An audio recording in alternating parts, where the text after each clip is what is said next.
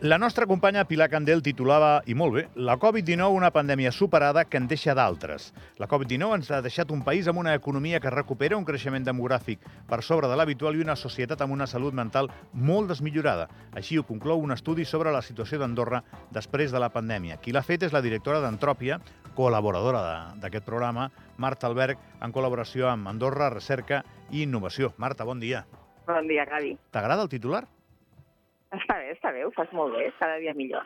No, però sinó, que no és meu, que és de la Pilar Candel, però gràcies. Bueno, doncs donar les gràcies a la Pilar de part meva, que ho ha resumit molt bé. És això, no? O sigui, sortim d'una pandèmia que estava molt estructurada, científicament també, i socialment i tal, i ens en arriben d'altres doncs, que no apareixen d'una manera tan cohesionada, però que al final, quan les identifiques, com has fet tu amb aquesta enquesta, doncs allà estan. I aquí les tenim, eh? Uh -huh. Doncs sí, és una mica això. Al final vam entrar al 2020, al març del 2020, amb una pandèmia que era un tema de salut, eh, que lògicament tot això va comportar i va tenir conseqüències a tots els àmbits de la societat, a nivell laboral, doncs perquè la, es van haver de tancar els negocis, a nivell educatiu doncs perquè es van haver de tancar les escoles, a nivell de salut, a part de la pròpia pandèmia en si, doncs ha tingut conseqüències a més llarg, llarg plaç amb, amb temes de salut mental, a nivell macroeconòmic, doncs l'evolució d'aquell any és completament diferent a la dels anys anteriors i també a la dels anys posteriors. Així que al final sí que és veritat que d'una pandèmia de salut eh, científica, com tu dius, doncs al final s'ha passat amb una, amb una situació complicada a nivell laboral i a nivell social. Alguns aspectes de la societat doncs, recuperant fins i tot més ràpid que abans de la pandèmia, o sigui que en teoria creiem que és positiu, tot i que alguns creixements exagerats doncs, tampoc no són uh, massa bons, però sí que hi ha d'altres, com tu dius, en salut mental, especialment en els menors, o certs col·lectius o grups que estan encara en certa situació de vulnerabilitat, doncs això fa doncs, que haguem de posar-hi una mica el focus en aquests dos aspectes, bàsicament. És una mostra amb quanta gent, Marta, aquesta? No, aquestes són... Agafem, eh, treballem amb més d'un centenar d'indicadors, uh, bàsicament ah. d'estadística, del matejari, o sigui, de diferents fonts, i els anem relacionant entre ells i a partir d'aquí pues, no, no es fa entrevista uh, perquè doncs, això doncs, és més complicat i és més subjectiu. És una anàlisi? Sí, és una anàlisi de, de dades que ja recullen de normal i amb les dades i aquests indicadors que ja són públics, doncs a partir d'aquí els fem estimacions, fem unes valoracions i a partir d'aquí pues, traiem aquestes, a, aquestes conclusions, però no, no és enquesta, perquè quan vam fer el primer informe, ja, que es va presentar també el, el 2022, a principis del 2022, se'ns va demanar que fos un informe molt objectiu, molt quantitatiu i això és el que hem mantingut i per això no vam voler fer enquestes perquè al final amb les enquestes, tot i que n'utilitzem algunes que fa l'ARI a través dels seus observatoris, que sí que utilitzem doncs, les respostes que donen a, a l'enquesta que sí que fan ells, eh, el que vam intentar és que es fos un, un informe el més objectiu i quantificable possible, eh, tot i que en, en molts casos hem de fer estimacions perquè hi ha dades doncs, que no acabem de trobar o no acabem de, de fer-se públiques i llavors eh, doncs, quan diem que hi ha un 10% de persones que reben algun ajut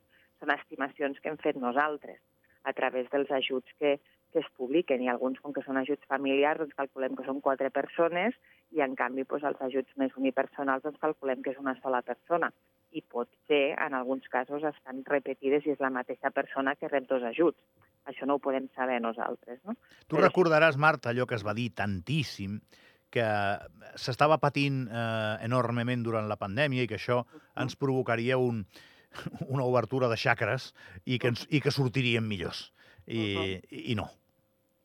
Bueno, al final se surt com se surt. O sigui, al final hi va haver-hi molta gent que ho va passar malament. Hem de recordar que un 25% del, dels treballadors van estar en situació de suspensió temporal de contracte laboral. Per tant, aquesta gent eh, és una quantitat important i per molt que sort d'aquesta figura que es va crear i sort de les ajudes extraordinàries que es van donar durant el 2020 i encara també el 2021, doncs aquestes persones van poder tenir una, uh, uns ingressos garantits, perquè si no haguessin tingut un 25% de persones sense ingressos.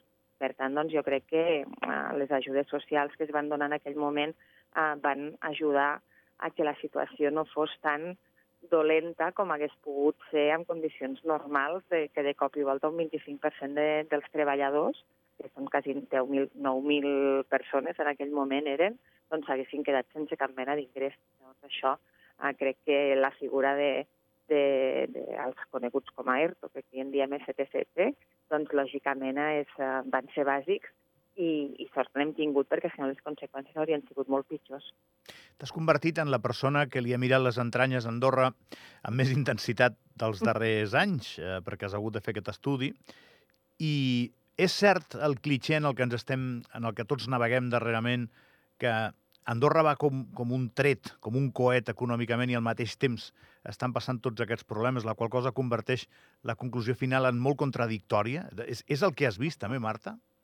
Sí, és el que es veu i, i és el que sol succeir. Al final, quan hi ha creixements tan, tan grans a nivell eh, econòmic o a nivell laboral, doncs eh, això no sempre vol dir que aquest creixement o aquesta evolució tan positiva arribi a tothom per igual i amb totes les societats, doncs, quan hi ha situacions de, de grans creixements, doncs, també se solen produir uh, grans desigualtats.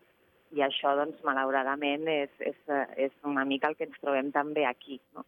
En, tenim una Andorra que sembla molt atractiva perquè està arribant més gent que abans de la pandèmia. Si abans de la pandèmia tenim uns creixements de la població de, del 2 o per sota del 2% de mitjana, Ara estem, aquest 2023 ha estat un 4,4, o sigui, estem més del doble del, del creixement que teníem abans de la pandèmia, i tot i que no podem assegurar que la gent vingui a Andorra per culpa de la pandèmia o a conseqüència de la pandèmia, vol dir que Andorra, en certa manera, és atractiva i això doncs, comporta uh, altres conseqüències, com estem veient, doncs, increment de l'habitatge o manca d'habitatge fins i tot, manca de mà d'obra, doncs, perquè bueno, les empreses necessiten encara més mà d'obra de, la, de la que podem tenir. Llavors, tot això, aquest creixement també econòmic, està molt bé tenir-lo, al final doncs, també té altres conseqüències que ens aboquen a també doncs, més, més problemes socials. Marta, en un minut, eh, tu que ets una persona radicalment optimista, perquè és com ets, eh,